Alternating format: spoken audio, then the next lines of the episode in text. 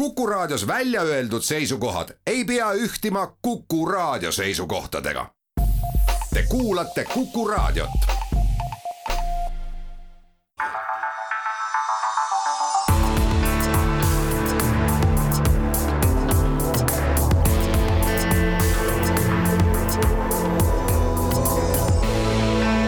olukorrast ajakirjanduses tere kuulama saadet Olukorrast ajakirjanduses. me oleme pisut ülevas meeleolus, kuna Väino leidis siit ühe tsitaadi, mida no, me mi... hiljem loeme teile ette. aga. oleme siin sinuga keset usupuhastuspüha parajasti ja siis selles pühalikus meeleolus, ma arvan. aga ütle, alustame traditsiooniliselt, et Vanamehed viinavabriku kõrvalt Väino Koorberg ja Rein Lang on kohad sisse võtnud. ja viinavabrik on meie elus täna väga olulisel kohal. viinavabrik on ühel kesksel kohal aga räägime loomulikult äh, sellest, mis vapustas siis eelmisel nädalal kogu Eesti ühiskonda. me oleme jälle väga õnnetus olukorras, sellepärast et, et minu meelest kõik nädalavahetuse jutusaated on olnud olukorrast ajakirjanduses, mis jääb meil sinna veel lisada me mõtlesime, et me võtaks mõne soundbite'i sellest Kalle Muuli äh, äh, Kuku raadio saatest, aga siis leidsime, et pornograafiaga me siiski ei julge tegeleda nii et eh, vaatame, katsume olla hästi ratsionaalsed, eh, kuna Tiit Hennoste, kellest me väga lugu peame, ütleski, et eh, kui me laseme emotsioonidel valla pääseda, siis koopas hakkavad sündima kõikvõimalikud ebameeldivused ja üritame olla ratsionaalsed, üritame olla, tähendab suruda endas mingisugused emotsioonid maha. niisiis Mark Mik-, Marko Mihkelsoni saaga Postimees, Eesti kõige suurem ajaleht. tema peatoimetaja isikus ja otsesel suunamisel virutas siis neljapäeval oli neljapäeval või reedel, reedel oli ta vist lehes, aga neljapäeva õhtul ilmus siis online'i sisuliselt ikkagi süüdistus äh, Riigikogu väga mõjuvõimsa isiku Marko Mihkelsoni suhtes, et äh, Marko Mihkelson, kes on väliskomisjoni esimees ja üks äh, Eesti välis- ja julgeolekupoliitika nurgakivisid, on tegelikult pedofiilsete kalduvustega, nimetame asju õigeste nimedega no,. sa võib-olla nüüd ikka võib... väga, sa maalid, maalid väga laia pintsliga, eks ju, kui täpsustada no, tahaks, et siis... kõigepealt ilmus, kõigepealt ilmus Postimehe veebis siiski peatoimetaja kommentaar, kus räägiti, räägiti anonüümsest tuntud poliitikust eks ju no,, kellega kõik... seotud, kellega seotud äh, valguskartev saladus võiks olla võiks olla julgeoleku probleem. selle varjude mängu siin nagu kõrvale jätta. minu jaoks on see varjude mäng on mingis mõttes oluline, sellepärast et see varjude mäng, et mis eesmärki teenis see varjude mäng peale, eh, sellel võis olla nagu päris mitu eesmärki, et ühtepidi äh, väga mitmed mõjukad poliitikud värisesid, kas see olen mina, kelle peale prožektori vihku näidatakse. teisipidi kõik konkureerivad meediaväljaannet, kellele nagu siin äh, mõned ajakirjanduses esinenud äh, toimetuse juhid on rääkinud, kellele oli räägitud, tegelge sellega, avaldage see ruttu, sest neljapäeva õhtul Postimees avaldab midagi. Te jõuate eksklusiivselt veel enne, eks ju niimoodi. Need said sõnumi, et eks ju, tähendab, tabroo on antud, eks ju niimoodi. ja kolmandaks nagu puhas clickbait ehk et, et sa riputad üles nagu niisuguse kahtlustuse, eks ju niimoodi, see peaks saama kõneaineks, kes see on, kes see on, eks ju niimoodi. Ja sellega tekitad lugejatele, lugejates huvi siis.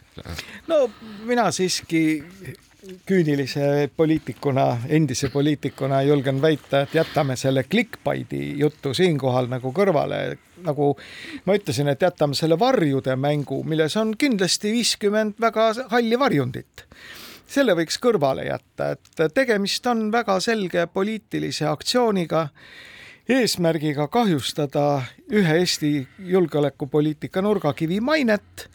see, kas see nüüd teoks saab või mitte, seda näitab muide nüüd varsti aeg, aga no. see, mida on nüüd, mina vaatan juristi pilguga seda värki nüüd, kui Postimees kirjutab nähtavalt nii veebis kui ka oma trükiväljaandes et Eesti juhtiv, üks juhtivaid poliitikuid on teinud kohatuid pilte. ja Postimees viitab siin politseile, et politsei on tunnistanud mingid pildid, mis on sattunud tema valdusse seoses sellega, et keegi on palunud neid menetleda. politsei on ütelnud, et mitte midagi seadusevastast nad nendes piltides ei näe, aga väidetavalt on politsei öelnud, et need on kohatud ja nüüd minus tekkis see niisugune dilemma, et mina olen ilmselt, mina olen nagu, mul on jäänud kahe silma vahele, et Eestisse vahepeal on kombluspolitsei tekkinud. ma ei tea, et Eesti politsei äh, sellisesse ampluaasse kuuluks mingite eraeluliste piltide sisu hindamine. on nad nüüd kohatud või mitte nüüd avalikkuse ette tulnud laste ema on ütelnud, tema siin midagi kohatut ei näe, isa tõenäoliselt näeb midagi kohatut, vanematevaheline vaidlus, vaidlus nagu selgub hooldusõiguse üle, mis on väga kirglik vaidlus alati ja mille pärast tegelikult ka ajakirjanduseetika näeb ette, et neid vaidlusi sellepärast ei käsitleta ajakirjanduses, et seal nüüd teada saada, mis on objektiivne tõde ja mis on ühe poole katse tegelikult Äh, kohtus parem välja näha, on, on ülikeeruline, et mitte öelda võimatu aga kus on nüüd siis, kus see kombluspolitsei on, kes nüüd neid hinnanguid annab? ja nüüd mina siiski arvan, et Eesti politsei mingisuguseid hinnanguid andnud ei ole ja tõenäoliselt ei ole andnud hinnangut ka see Kultuuriministeeriumi pornokomisjon mille kunagi omaaegne ülesanne oli siis vaadata läbi igasuguseid materjale ja anda hinnang, kas tegemist on pornograafiaga või mitte. igal juhul see komisjon selles küsimuses kogunenud ei ole. nüüd, kui Postimees võtab pähe sellise mõtte, et nemad võivad eraisikutele kuuluvaid pilte, mis ei ole mõeldud avalikuks kasutamiseks, hinnata, kas, kui need satuvad tema kätte, et need on A kohatud, B noh, siis kohased, eks ole, siis sellega võtab minu arvates Eesti suurim peaväeleht endale ikkagi sellise verd tarretama paneva ülesande. ehk siis kas kõik Eesti inimesed, kes mingites vaidlustes tahavad teada, kas teise poole, kellega nad vaidlevad, mingi teguviis, sõnapruuk, pilt, väljendus on kohane või kohatu võiksid siis Postimehe poole pöörduda Rein.... ma millegipärast siiski tõrgun arvamast, et politsei on see koht, kuhu need avaldused saatma peaks. Rein, mina ei ole poliitik ja sellepärast mina olen olnud eluaeg ajakirjanik ja võib-olla vaadanud sellele asjale siis pisut nagu ajakirjaniku pilguga ja ja ütleme, kui see lugu lahti läks, et siis, siis ka minu peas käis läbi nagu kolm erinevat mõtet, eks ju, et mul käis mõte, et, et tegu on poliitilise aktsiooniga, teine mõte oli see, et, et tegu on puhta kättemaksu aktsiooniga, et me paneme su kinni, mis kaasneb, mis väga sageli kaasneb just sellel hetkel, kui, kui inimsuhted on sassi läinud, eks ju, kui jagatakse vara sätitakse suhteid või, või, või, või kui hinge ei mahu, et sinu endine armastus on leidnud midagi uut, eks ju niimoodi, kui jagatakse laste hooldusõigust, mis tõepoolest on nagu ajakirjanduse jaoks küllaltki tabuteema. niimoodi, et see on küllaltki tõenäoline ja ma sain sellele mingis mõttes ka kinnitust, sest seda ajakirjanduses ilmunud materjalide põhjal öeldi, et, et tegelikult kohus kohus ja politsei peab väga sageli kokku puutuma nende asjadega, et, et see, see pedofiilia süüdistus, ka koduvägivalla süüdistus tegelikult on väga kerge lendama ja see määrib väga hästi, see määrib seda sellisena, et sul on väga raske ennast puhtaks pühkida puhtaks pesta, eks ju, et seda, sedasorti skandaalid loomulikult on nii, et, et arvata võib, et kuu aja pärast rahvas enam ei mäleta, et millised need täpsed detailid olid, eks ju, aga seal kehtib see vana, vana kõnekäänd, et, et ei ole oluline, kas temalt varastati müts või, või tema varastas mütsi, aga mingi jama temaga oli, järelikult ei ole õige inimene. et see on nagu selle asja. ja loomulikult kolmas oli see, et, et ei saa alahinnata siis seda julgeolekulist momenti, et kas tegu oli näiteks välismaise infooperatsiooniga nii, okei okay., ja minu esimene asi, et kui ma lugesin seda, kui ma lugesin seda sissejuhatavat lugu, mis just nagu õigustas selle loo tegemise asja, eh, kus rõhutati seda tugevat julgeoleku küsimust, eks ju, et siis mul oli küsimus, et, et miks see lugu nagu seda julgeoleku teemat ei kajastanud rohkem kui selle küsimuse püstitamist. et ma oleksin aru saanud, et kui mõne erakonna esimees oleks tõstatanud selle küsimuse selles loos ja ajakirjanik oleks püüdnud sellele küsimusele saada vastust, et siis ma oleksin aru saanud, aga kui väljaanne tõstatab küsimuse, küsimused, siis väga lihtne on võtta telefonitoru, eks ju, niimoodi helistada kas sobivasse julgeolekuasutusse, vähemalt üldtelefoni võetakse seal ööpäev ringi, eks ju niimoodi. helistada ka peaministri büroosse, küsida, kuidas lood on, et meil on siin lugu käis, et, et proua Kaja Kallas, kas te teate, millega teie parteikaaslane tegeleb, et, et, et äh, härra Sinisalu, et me kuuleme siin, et NATO riigisaladuse loaga inimesel on praegu selline probleem käsil, eks ju. aga mulle tundus, et selles loos mitte midagi seal ei, sellist ei tehtud, eks ju. et, et, et selles mõttes tundus juba mulle see asi es, e-, esimese hooga kuidagi nagu niisugune kahtlane ja noh, teine küsimus ajakirjanduslikult on minu jaoks ikkagi see, et mis tingis selle avaldamise pakilisuse sellisel kujul sellisel poolikul kujul, kus nagu küsimused on esitatud, eks ju, see pori on õhku visatud, eks ju niimoodi, aga vastuseid ei ole eks ju, meil ei ole nagu selgust sellest, mis toimub ja mulle tundub, et täna on esmaspäev, eks ju, see, see, see skandaal on just nagu kerinud siis neljapäeva õhtust saadik, eks meil ei ole seda pilti ka praegu veel me ei ole saanud küsimust ja seda küsimust, selle vastused nendele küsimustele ei ole üritanud ka Postimees meile leida, kuigi ta on alguses näidanud ennast nagu väga tugeva tõeotsijana. ja siinkohal teeme väikese pausi.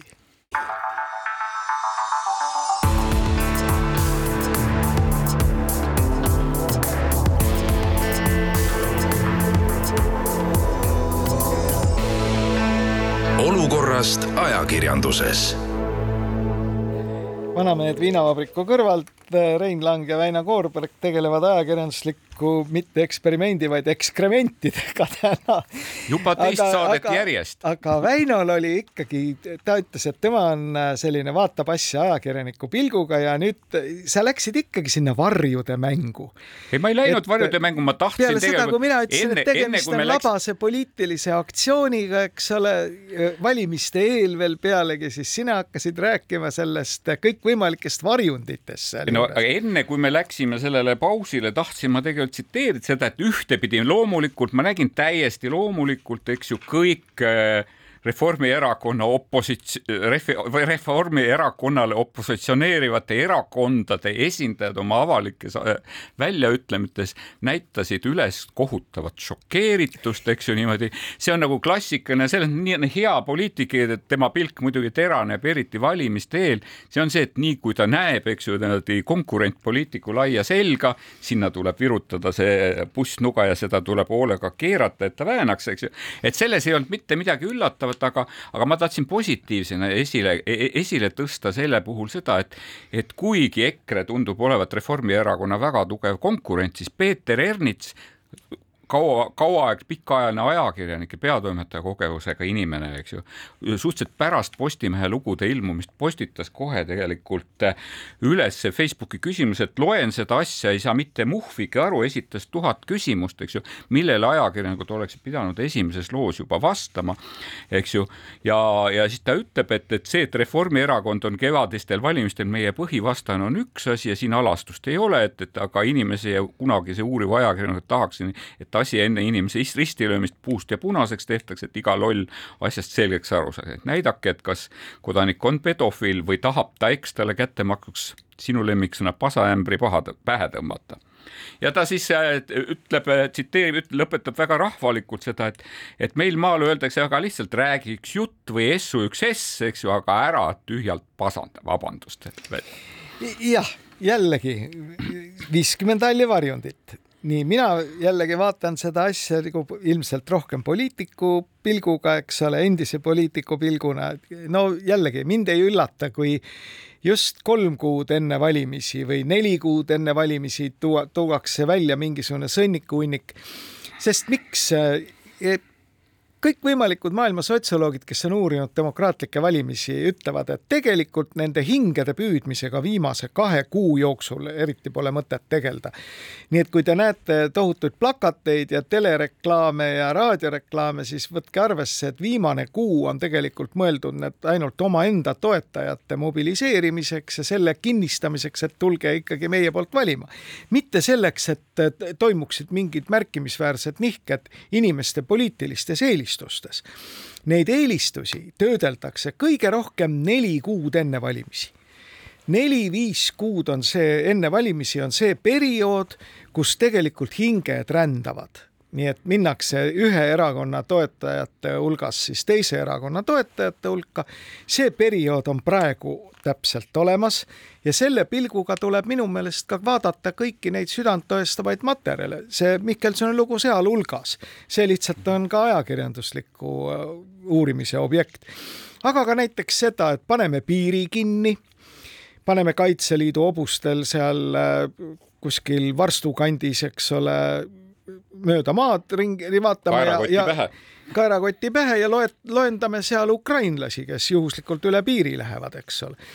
kõik sellised asjad, mis upuvad nii-öelda inimese tavateadvusse ja niisuguse keskmise tähelepanu korral võiksid kinnistada teda kuskile noh, mingi rühmituse taha, on praegu väga teretulnud ja see vaatame neid eh, kõikvõimalikke huvitavaid poliitilisi avanguid just selle pilguga. no ja minule tundub, Aga... minule tundub tegelikult selles osas, et nüüd see, et kas see on nüüd toimub ainult neli kuud enne, et, et tegelikult eks poliitikud püüavad alati, kui võimalus avaneb.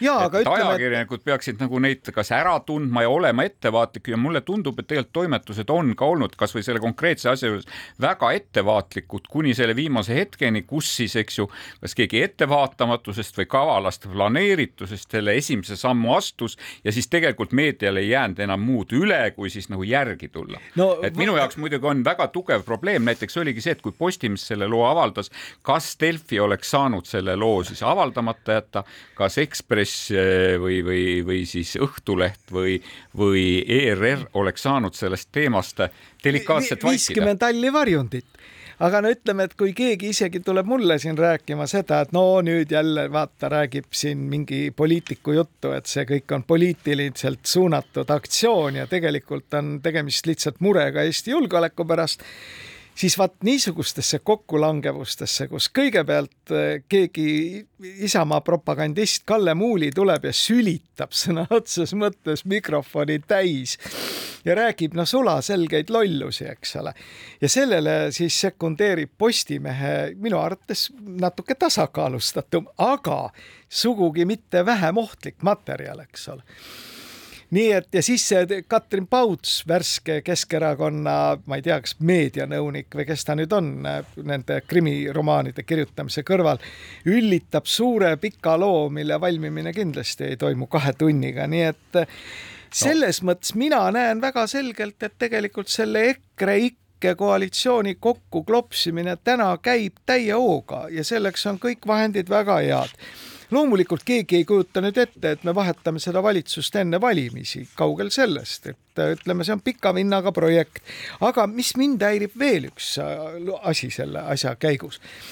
Ajakirjanduses, sealhulgas ka selles samases Postimehes ju kirjutati, et Marko Mihkelson pöördus politseisse, kuna lekkinud on need materjalid äh, ajalehtede toimetusse vastupidiselt kohtuotsusele kohus on väga selgelt öelnud, et need materjalid ei ole levitamiseks, sest et tema pidi seda hooldusõiguse vaidlust lahendama. Ja selle käigus on kohtule esitatud mingeid materjale, mis on väga selgelt tegelikult äh, niisuguse isiku Tundliku privaatsuse suhtes väga tundlikud. ja kohus on öelnud, et neid avaldada ei tohi. Ja need on sealt lendu läinud ja Mihkelson, tundes, et tema õigusi on rikutud, pöördub politseisse ja mida teeb politsei? prokuratuuri juhtimisel, sellesama prokuratuuri, kes juhib Eestis kriminaalmenetlust. Nemad kuulavad üle ajakirjaniku, keda siis, kelle kohta nad teadsid, et ajakirjanikul on antud juhul need materjalid toodud ja küsivad ajakirjaniku käest, et kelle käest said mees ajakirjanik ütleb selle peale, et allikakaitsele tuginedes mina teile ei ütle, kus sain. mille peale politseinikud ütlevad ahah ja lähevad uksest välja ja lõpetavad asja ära mis tähendab ju seda, et inimene on täiesti kaitseta, kui sealtsamast õiguskaitsest, kas olgu see kohus, politsei või prokuratuur, lekivad mingisugused teda puudutavad andmed ebaseaduslikult, siis kui inimene nõuab selle uurimist, minnakse ajakirjandusse, küsitakse ajakirjaniku käest ja kui too ei ütle, siis lõpetatakse asi ära, ei ole võimalik uurida. Rein, sa väga laia pentsliga maalid siin, aga mul on nagu küsimus, et mida sa siis oleksid tahtnud, kaks varianti on nüüd see, et, et kas, eks eks ju, oleks politsei pidanud iseendasse vaatama või kas politsei oleks pidanud ajakirjaniku käed nagu sahtli vahele virutama või, või, või mida sa oleksid nagu siin eeldanud? ei no kas siis muid, muid variante Eesti politseil nüüd riiklikest struktuuridest lekkinud andmete puhul ei ole, kui ainult ajakirjanik, kellele need on toodud. äkki kontsentreeriks oma tegevuse selle peale, et keegi sealt tõi no mina kuskilt ma... need andmed pidid ju tulema, ega ajakirjanik neid sealt varastamas ei käinud. minu jaoks oli siin väga silmatorkav, mina, sa ütled, et ma toon kogu aeg räägin hallidest varjunditest selle loo juures, aga neid hallidest varjunditest minule tekivadki need äh, selgemad kujutised võib-olla asja juures ja ja oli päris mitu silmatorkavat momenti selle juures, mida selle loo kohta ju tegelikult räägiti. sest tegelikult päris mitme toimetuse esindajad, Pealtnägija, eks ju, Õhtulehest Risto Perenson kirjeldasid, kuidas neile seda materjali pakuti tegelikult kirjeldas seda, kuidas seda materjali pakuti ka Postimehe endine peatoimetaja Martti Aavik, kelle kohta praegune uudis, uudistjuht ütles, et tema sulges ajakirjanike suu ja siis ajakirjanikud olid sunnitud salaja midagi uurima. ma küll olen kaugel mõttes sellest, et peatoimetajal õnnestub nagu ajakirjanike suud sulgeda, et tavaliselt peatoimetaja ütleb, et mulle tundub, et teil ei ole siin piisavalt tõendeid ja mida me nagu näeme ka tegelikult seda olemasolevat lugu Äh, vaadeldes, et ei ole piisavalt põhjendust või, või piisavalt, piisavalt nagu seda äh, toetusmaterjali, et sellist lugu avaldada. aga et tegelikult, et kuidas needsamused alguses Postimehe ajakirjanikud kõik rääkisid, et nad on pilte näinud, hiljem muutus see ju tegelikult see jutt kuidagi selliseks, et me ei ole mitte pilte näinud, aga meile on näidatud skitse sellest pildist, eks ju. meile on äh, siinsamas Kuku raadio eetris on väga värvikalt on tegelikult kirjeldatud siis ühe, ühe vaidluspoole, eks ju, tähendab äh, Äh, seda, kuidas üks vaidluspool on tajunud nendel piltidel olevat. et kui Kalle Muuli seda eetris ette luges, eks ju, siis, siis noh, minul peas jooksis tõesti ainult see, ainult see küsimus, et millest mõtleb sõdur, kui ta näeb tellist et, et kui vanainimene mõtleb tänaval tellist nähes, et vaat kui see oleks mulle pähe kukkunud, küll mul oleks halvasti läinud ja insener mõtleb seda, et näed, kuidas raisatakse materjali, ma saaksid sambaid ja, ja võlvkaari ehitada, siis et millest mõtleb sõdur? sõdur mõtleb sellest, kuidas leiaks ühe lahke tütarlapse, kellega saaks pisut sedasamust vanainimeste asja teha. miks sõdur sellest mõtleb, sest ta mõtleb sellest kogu aeg, eks ju Eh, eh, et see nende piltide osas, siis teine, kuidas ajakirjanikud, et kuidas täiesti kaude toimus selle pori määrimine, oli päris huvitav tegelikult, et mulle, mulle vaatasin, et millest kirjutas siis Postimehele Postimehe alle alluv või Postimehe alla kuuluv Elu24, sest, sest erinevates kanalites doseeriti seda informatsiooni täiesti erinevalt. Elu24-s ilmus äkki tegelikult välja üks skandaalseid fotosid näinud isik kes ütleb, et ta oma ameti tõttu nägi neid ja need olid nii ilged, et pärast seda peab küll Marko Mihkelson poliitilise karjääriga hüvasti jätma mis oli nagu nii mustvalget joonistamist ei olnud ma veel kusagil näinud. mul oli ka väga silmatorkav see, et kuidas, kuidas tõepoolest Postimees ei jätnud kasutamata ühtegi võimalust, kuidas seda, kuidas selle, kuidas seda lugu nagu kõikides kanalites ja igal, igal võimalikul moel vahtu kloppida, et tegelikult oli, oli päris armas isegi see, et, et toodi mängu isegi palgalised, palgalised äh, astroloogid seal, kes siis nagu et kui meie, kui muidu räägiti lillede ja liblikate keeles, eks ju, et siis, siis kes täiesti selgelt ühemõtteliselt kuidagi andsid hinnangu sellele tegevusele niimoodi et see oli ka päris armas, see oli päris armas, et, et, selle kõigega nagu seda pori hõõruti väga oskuslikult minu meelest, oskuslikult, eks ju, laiali. juba kolmekümnes hall varjund. ja et, et, et meil on veel kakskümmend varjundit, aga mul on neid, neid on oma, neid on omajagu täiesti. aga võtame veel ühe asja, et mis on kogu selle asja, mind šokeeris selline avaldus, et kui valdav enamus nendest toimetustest, kellele kogu seda materjali ju aastaid tagasi on käidud juba pakkumas, leidsid, et eh, kuna tegemist on hooldusõigusvaidlusega, siis nemad seda no üritavad täiesti eemale sellest hoida, kuna nagu me eelnevalt rääkisime, nende kajastamine on viitsütikuga pomm nii või teisiti. no ta ei ole viitsütikutega pomm, tal on täiesti selge küsimus, lihtsalt see tähendabki, et selle vaidluse käigus pooled eh, võtavad kasutusele kõikvõimalikud relvad ja tegelikult olgem ausad, et nii kui sõna pedofiil kusagile nagu õhku lendab või nii nagu kogu koduvägivald õhku lendab, eks ju, tähendab, siis sul ei ole seda mitte millegagi võimalik tasakaalustada. Absoluutselt. Ja noh, see on ka see põhjus, mispärast ajakirjandus on asunud seisukohale, et neid vaidlusi ei kajastata. ja muide on veel üks ilu, väga niisugune puhtinimlik väärtus sealjuures, et need lapsed ju kasvavad suureks, kelle piltidest on jutt. Ja nende õiguste tagamiseks neid ei tõmmata nendesse vaidlustesse, et nad ei peaks koolis kümne aasta pärast hakkama oma kaasateelistele seletama, mis mingi asja taga oli. ja nüüd ilmub äh, Eesti suurim ajaleht, kes ütleb, et aga tähtsate julgeolekupoliitikute puhul see printsiip enam ei kehti et see, et poliitikud on kelle, teatud hulga ajakirjanike arvates lindpriid, siis nüüd on ka julgeolekupoliitikute ja tähtsate poliitikute lapsed lindpriid. Nende õigused ei ole olulised, väidab Eesti suurim päevaleht ja vaat see on nüüd küll üks koht, millega nüüd ma arvan, ei saa kohe mitte mingil juhul nõustuda. Rein, sa võib-olla jälle jah, sinu, sinu lai pintsel, eks ju, tähendab, on kopa seinale maalinud, on, on kopa seinale maalinud ja. tegelikult päris koleda koletis, et ma, ma tahaks siiski uskuda Eesti ajakirjandusse selles asjas, aga, aga. ja mina usun ka, sellepärast et, et antud vaidluses ma olen kuulnud niivõrd palju tegelikult mõistlikke seisukohti et see, et tegelikult sellisele sigatsemisele tuleb nagu väga selge reaktsioon, kus räägitakse ajakirjanduslikest väärtustest ja ka eetikakoodeksist, minu jaoks oli see isegi natuke üllatav. ma pigem hakkasin kartma sellist kambavaimu, et noh, mis seal ikka, kallame siis solgiämbri ühistöös, eks ole. see sõna kambavaim, Rein, see kambavaim võib-olla meie raadiokuulajale, mõnele lehelugejale võibki tunduda väga kahtlane, sellepärast et neid kahtlusi poliitikud ei, ei, ei väsinud kuidagi neid kahtlusi tegelikult ka süvendamas lugejatest, et, et ajakirjanduse suu on kinni topitud, eks ju. et noh, tõepoolest siinpool tahab öelda, et tahaks öelda, et ajakirjanike käes liigub igasugust informatsiooni.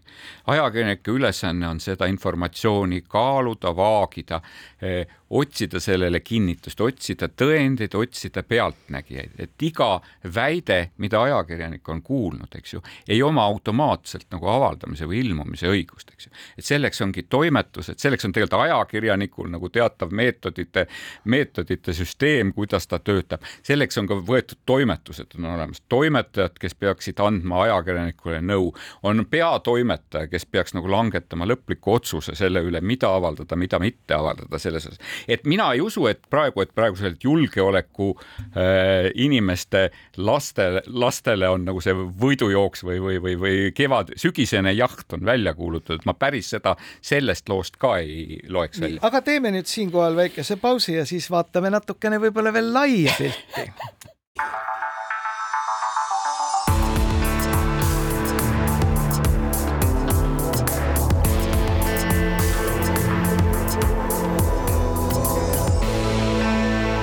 olukorrast ajakirjanduses.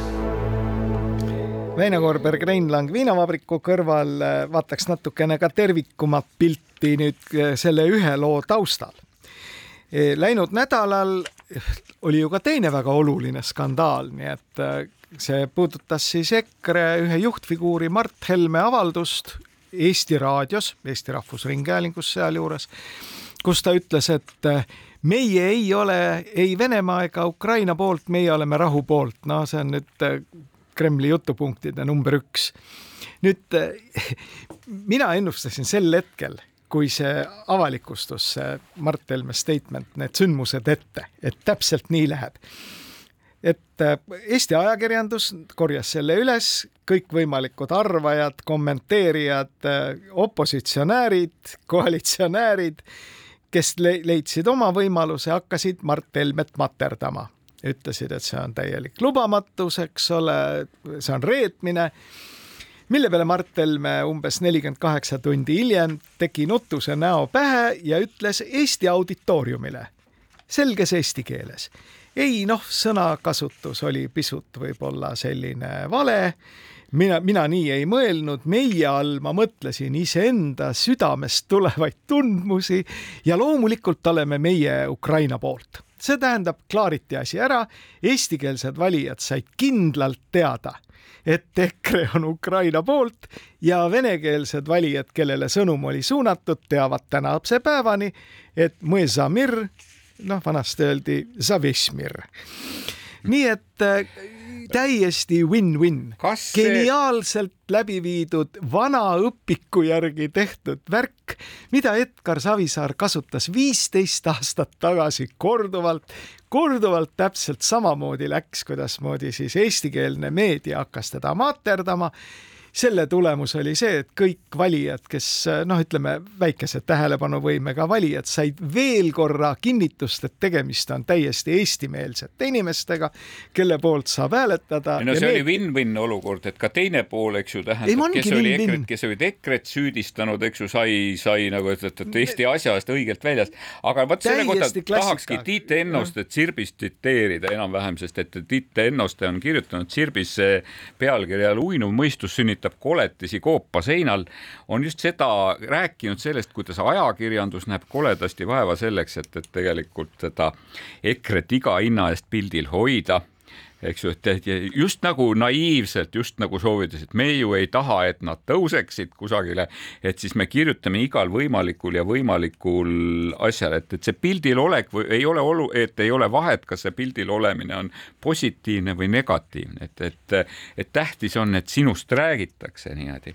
ja, ja, ja, ja, ja noh, teine asi, millest ta tegelikult paljudel juhtul, paljudel juhtudel ju räägib seda, et et et eh, kõik need süüdistused, et Kremli jutupunktid ja nii edasi ja nii edasi, et et noh, et et ka nendele saab tegelikult väga lihtsalt, lihtsalt vastu selle tõttu, et et kui ajakirjandus süüdistab äh, EKRE-t, et on Putini sabarakk ja räägib Putini jutupunkte, siis et milliseid punkte peaks siis rääkima, ta ütleb, et ta küsib, esitab küsimuse, et, et ma ei tea, et ühelgi Eesti parteil oleks kunagi olnud mingisuguseid originaalseid suuri ideid, et kõik nad on laenanud seda kusagil, et see, et see rab, sabarakkustamise vahule kloppimine on Tiit Ennuste arvates pigem halb, et see läheb lugejatele äh, hästi peale, aga varjab ära olulisema, EKRE põhieesmärk ei ole toetada Putinit, Orbanit ega Trumpi vaid nende eesmärk on tulla ise võimule ja minu meelest on siin nagu see asi kokku võetud tegelikult väga lühe, lühi, lühida lausega. eelmisest nädalast on ka see, et nüüd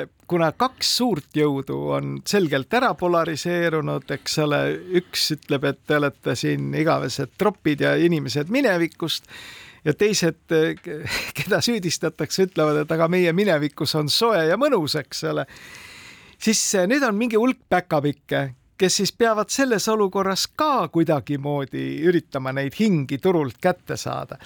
ja päkapikud on nüüd siis võtnud selle narratiivi, et need kaks suurt on omavahel selle kokku leppinud, eks ole nii et vot mind huvitab ka natukene see, et kas olete see, kas see ja olete, see on küll huvitav, et eh, selle kohta muuseas on ilmunud ka mõningaid päris arvestatavaid analüütikuid, kes on ütle, öelnud seda, et need sellised polariseerumised sünnivad ilma igasuguste kokkulepeteta täiesti iseenesest. ei, nad sünnivad iseenesest, aga neid on mugav kasutada või noh. Neid on hea kasutada, kasutada loomulikult, ega selle vastu midagi ei ole, aga no ütleme, et see on ka nüüd poliitiliste ideede vaheline võitlus, aga nüüd, kui tulevad, ütleme need väikesed, kellel suurt midagi nagu asjalikku öelda ei ole ja siis ainukene, mida nad suudavad teha selle käigus on öelda, et aga need leppisid omavahel selle vastandumise kokku ja et hääletage hoopis meie poolt, mis siis, et meil ei ole nagu mitte midagi öelda. nüüd mind huvitab see, et kas see narratiiv Eesti ühiskonnas võiks nagu töötada. Ja siis mulle meenub see plakatikampaania mille autoriks oli Res Publica enne kohalikke valimisi aastal kaks tuhat üks, kus nad riputasid linna täis suudlevat Brežnevi ja Honeckeri ja kirjutasid sinna alla, et valides Reformierakonna saad Keskerakonna, eks ole. ühesõnaga jällegi rääkides sellest kokkuleppe narratiivist ja siis öelda, et valige nagu meid ja toona ma pean ütlema, et see töötas. kas nüüd see niisugune välja käidud tantsumehe narratiiv.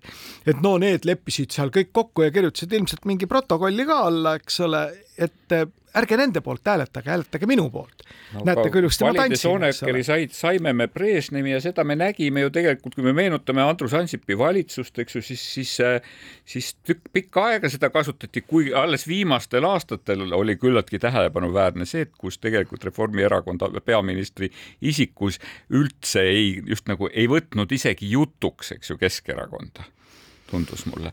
et, et vältis, vältis oleme... täiesti demonstratiivselt Edgar Savisaare isikut, eks ju, ja, ja mulle tundus, et siis see, see oli selleks, et mitte anda seda eh, mitte just andagi seda boost'i, eks ju, või seda tõuget. aga, aga mõtleme nüüd selle narratiivi peale, et oo oh,, et noh, et see vastandumine on üks suur tsirkus ja ärge pange seda tähele mis selle nagu siis, kui inimene, kes natuke mõelda oskab, siis peaks ju esitama selle küsimuse, aga millest me siis üldse räägime?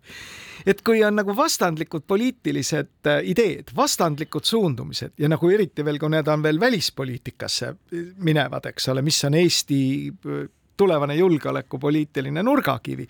et ärme sellest räägi, kuna need on need kaks suurt, kes siin vastanduvad, siis millest me räägime? aga millest me siis räägime siis lõpuks nagu, kes keda lõi ja kes keda pildistas või? no enam-vähem jah enam-vähem. kas me, kas me, kas, kas sa tahadki sellega siis öelda, et tegelikult, et, et see, millega ma siis tuleva aasta alguses kokku puutume, ongi, ongi selle järellainetus kõik?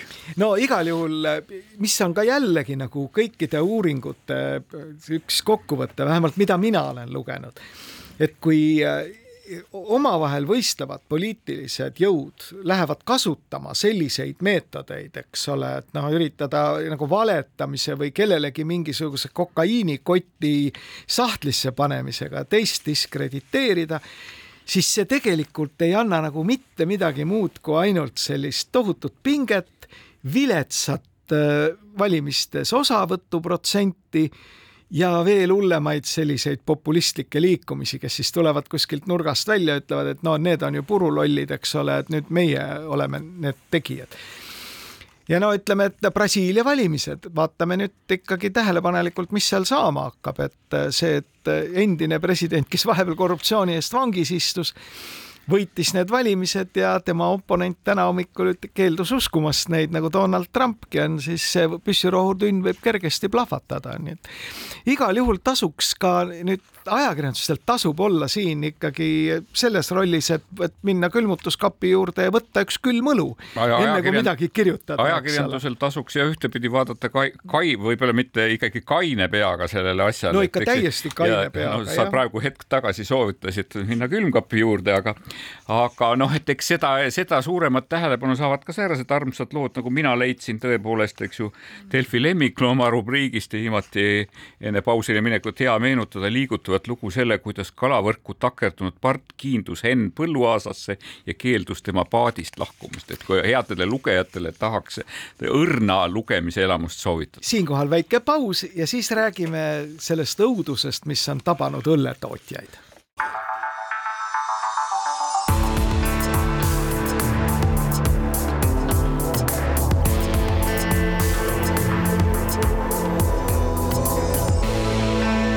olukorrast ajakirjanduses. Veine Korberg, Rein Lang räägivad ajakirjandusest ja järgneb rubriik äh, tähelepanekuid ERR-ist. esimene tähelepanek seondub ka Priit Pulleritsu repliigiga Postimehes, kus ta siis oh, üsna jõuliselt teatas, et sellist tootereklaami või, või tootepaigutust nagu kasutatakse, et Eestis poliitiliste jõudude tegevuse kajastamisel, kus siis igast logod ja värvid mängivad oma rolli, et see lõhnab sellise halvamaigulise diili järgi mina räägime, kirjutan... räägime nüüd otse, Priit Pullerit, Priit Pullerits rääkis tegelikult sellest, kuidas Aktuaalse Kaamera uudislõigus Kaja Kallas rääkis, eks ju äh,, rahandusministri, ühe rahandusministri lahkumisest ja teise rahandusministri tulemisest, eks ju, ja, ja ta seisis pikalt Reformierakonna valimisplakati taustal, eks ju, tähendab, et, et sellisel ja pärast hetke siis uue ministriga astusid nad uuesti ja näitasid lugejale ka selle plakati seni varjus olnud poolt, nii et tegelikult äh, taust oli. ja, ja, aga see ongi tegelikult see tõend-, tõestab natukene seda, millest ma rääkida tahan et ma ei pea niisugust käitumist kaugeltki mitte õigeks, see on klassikaline tootepaigutus, millega ERR ei tohiks tegeleda. no me oleme ju näinud, eks ju, seda Husqvarna ori-, oranže, oranže kostüüme, taustu ja eks ju, tähendab stuudiosse laiali laotatud äh, kõikvõimalikke saeseadmeid, eks ju, ja nii edasi ja nii edasi. me oleme kuulnud lugusid sellest, kuidas äh, poplauljal on äkki tekkinud, õrnu, õrnal õblukesel poplauljal on äkki tekkinud nagu vastupandumatu soov minna mehe, mehe jämeda vajadusi, jurakaid puid langetama ja nii edasi ja nii edasi, eks, et see, see ei üllata meid üldse. reedel, kahekümne kaheksandal oktoobril Aktuaalne kaamera kõigepealt siis seletab kodumasinate ja elektroonikaturgu Euronixi esindaja. loomulikult Euronixi Äh, kaubamärgi taustal. räägib pikalt ja laialt, materjal tegelikult õige, et niisugusest turuülevaatest see on avalik huvi, aga kas nüüd tingimata seda peab tegema sellise tootepaigutusena, natukene võib kahtluse alla sedada. sellele järgneb tänavaküsitlus.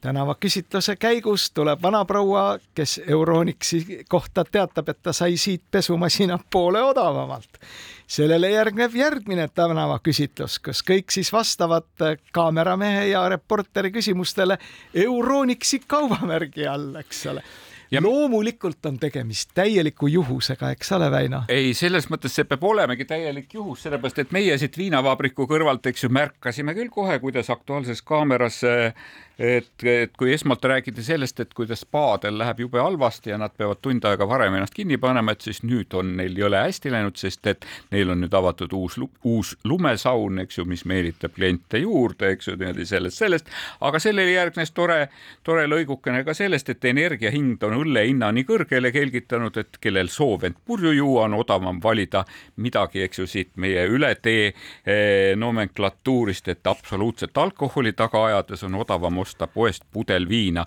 ütleb äh, reporter, eks ju ja reporter oli muide väga põhjalik. väga põhjalikult. see oli üks põhjalikumaid lugusid. oli see, oli see, et seda oli väga põhjalikult oli nagu kajastatud tõepoolest, et ja, ja, ja ma ei saanudki aru, et kas ma nagu tohin avad, tohin külmkappi juurde minna ja sinu soovitusele lähtudes võtta sealt külma õlle või peaksin ikkagi suunduma kangemate jookide ossa ja mind ei suutnud ümber veenda isegi ka Eesti Karskusliidu esimees Lauri Peekmann, kes samas lõigus äh, sõna sai aga no siukesi, siukesi ütleme niimoodi toredaid suhtekorralduslikku asju oli ajakirjanduses veel, et, et minul hakkas silma see, et kuidas tegelikult Eesti Päevalehes alguses äh, hakati rääkima sellest, et parkimiskohad on saatanast, eks ju, e-, elamutest, et inimesed peavad ostma endale korteri ja peavad sinna juurde ostma ka parkimiskoha, sest Tallinna linn nõuab, et kui te ehitate maja, siis maja juurde peab saama autot parkida ja te peate selle eest hoolitsema. see nõue tuleks tühistada, sest siis me saaksime ehitada rohkem kortereid, eks ju, tähendab, ja tänavad saaksid, eks ju, puhtamaks, sest ega inimesed on viimasel ajal sõidavad ühistranspordiga, sõidavad tõuksiga ja see oli päris armas, eks ju, tähendab, see oli päris armas spinn, mida ma ei olnud nagu tükk aega niimoodi kohanud, et vaatasin, et kuhu see viib, et tänases Eesti Päevalehes on sellel ka jätku tulnud, vahepeal on isegi Keskerakonna, linnavalitsuse Keskerakonna esindajale on antud sõna, kes ütleb, et tõepoolest, et kui, kui teie neid parkimiskohti esitate, et järgmisel hetkel tulevad elanikud hangude ja tõrvikutega, nõuavad, kus on meie parkimised, kuhu me saame oma autot parkida. linn, ehita meile parkimismaja. mis sina arvad endise Välisluureameti juhi intervjuudest, milleks valmistuti ju põhjalikult, ERR reklaamis oma intervjuud pea nädal aega ette. väga hästi tehtud intervjuu. ei, hästi tehtud intervjuud, aga mina oleksin neid intervjuusid tõepoolest oodanud sellel nädalal, kui tuli uudis selle kohta, et Mikk Marran on otsustanud äh, suunduda metsandusse ja kasutab siis, kuidas see oli, ühe ministeeriumi kantsleri soovitust, eks ju, mis oli salvrätiku peale kirjutatud, et kus oli kirjutatud pikad okkad mänd, lühikesed okkad kuusk, eks ju, tähendab, et, et kõik see oluline teave oli sinna öeldud. ei, see oli väga okei okay,, et see oleks võinud olla siis, sest tegelikult avalikkus ootas seletust sellele, ootas seletust ja, ja tollel hetkel seda seletust ei tulnud. et nüüd muidugi mõjus, see natukene meediaoperatsioonina, kui ta paralleelselt oli väga mitmes kanalis. Mulle tundus, mulle tundus isegi, et, et kapo peadirektor, eks ju, eh, tundis kerget kadedust, eks ju, sest sellele järgnes ka pikk intervjuu, tema pikk intervjuu ERR-ile, eks ju, see oli ka päris nii-öelda. no vot, see on see oht, miks ma sinu käest küsisin, et see tuntud eh, ajakirjanduse korüfee, et eh, ja sa ütlesid täpselt seda, mis ka käis minu peast läbi, et kui see tuleb nüüd ja sellise promoga, siis paljud inimesed tegelikult arvavad, et see ongi nagu järjekordne manipulatsioon. et äh, mul on väga hea meel, et see intervjuu tuli lõpuks, aga. Need intervjuud aga, isegi Ekspressis oli ka. jah, aga et nad oli... kõik kuhjuvad ühele ajale, see jätab mulje, nagu oleksid seal suhtekorraldajad kuidagimoodi vahel. asi, millest ma ikkagi ei saa aru, võib-olla sina oskad seletada, miks Eestis saab äh, koguda hoiuseid ja anda laenu kolhoosi vormis? no sellest me jah, mingil hetkel oleme, tundub, et ajakirjandus hakkas sellel teemal natukene siin mõned nädalad tagasi tegelikult. aga väga, keegi ei ole küsinud väga, seda, miks valjust... kolhoosid annavad Eestis laenu? me hoiulaenuühistutest käib jutt, kui raadiokuulaja sellest aru ei saa, et ega noh, ma ei tea ma, ma ei tea, miks seda teeb, eks ju, et ka Postimees vist eelmisel nädalal juhtkirjas väga tugevalt võttis selle teema käsitleda ja minu meelest oli selle juures muidugi see, et ühe käega me, Eesti ajakirjandus võitleb, eks ju, nende inimeste eest, kelle hoiused on viimasel ajal kahes äh, Eh, hoiulaenuühistus eh, korraldasti ära sulanud, eks ju. teise käega lugesin ma tegelikult samadest väljaannetest eh, suhtekorralduslikku või sisuturunduslikku materjali selle peale, et ainus võimalus praeguses ebakindlal ajal, eks ju, oma raha kuidagi säilitada, on viia see, tuua see meie kolhoosi, eks ju, kus me saame selle paigutada sobiv, meile sobivalt. ja need kolhooside üleleheküljelised reklaamid, mis ei ole ülearu palju odavad, kas ei ole ikkagi natukene selline huvide konflikt? Et äh, kui ma kirjutan, et see kolhoos tegelikult on tohutu riskiga, nagu kui ma sinna raha viin ja samal hetkel võtan naeratava näoga siis vastu selle raha, kus lubatakse jälle muinasjutulist intressi. elagu kodumaa kapital, tahaks Ela... selle no ära mine libedale, et siin ei olnud kodumaa suure K-ga praegu, täiesti väikese tähega oli.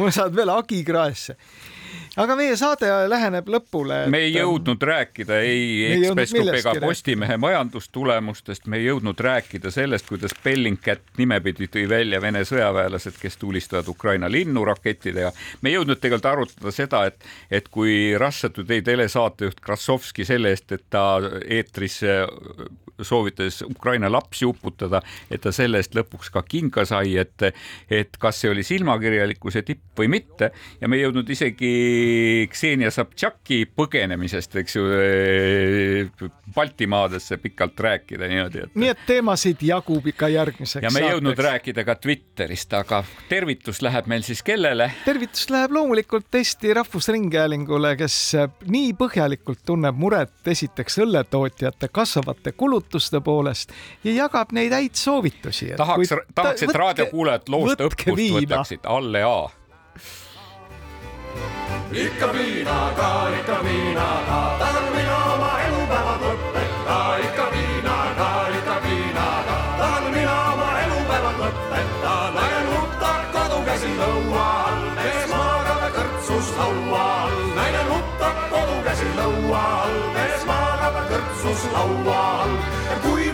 naine mulle pooja toob, siis mina mitte tilkagi viina ei joo ja kui minu naine mulle pooja toob, siis mina mitte tilkagi viina ei joo. ära joo sina viina, sinu poeg veel kasvab, sinust halvad kombed õpib ta. ka sinu tütar sind ei austa, tema ütleb ka, minu papa joob ka sinu tütar sind ei austa tema ütleb ka, minu papa joob ikka viinaga, ikka viinaga, tahan mina oma elupäevad lõpetada, ikka viinaga, ikka viinaga, tahan mina oma elupäevad lõpetada,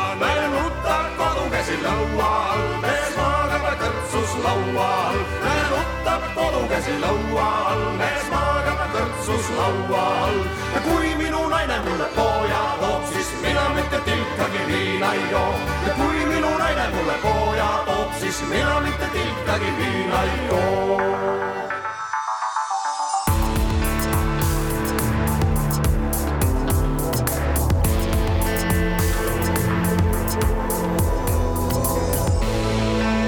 olukorrast ajakirjanduses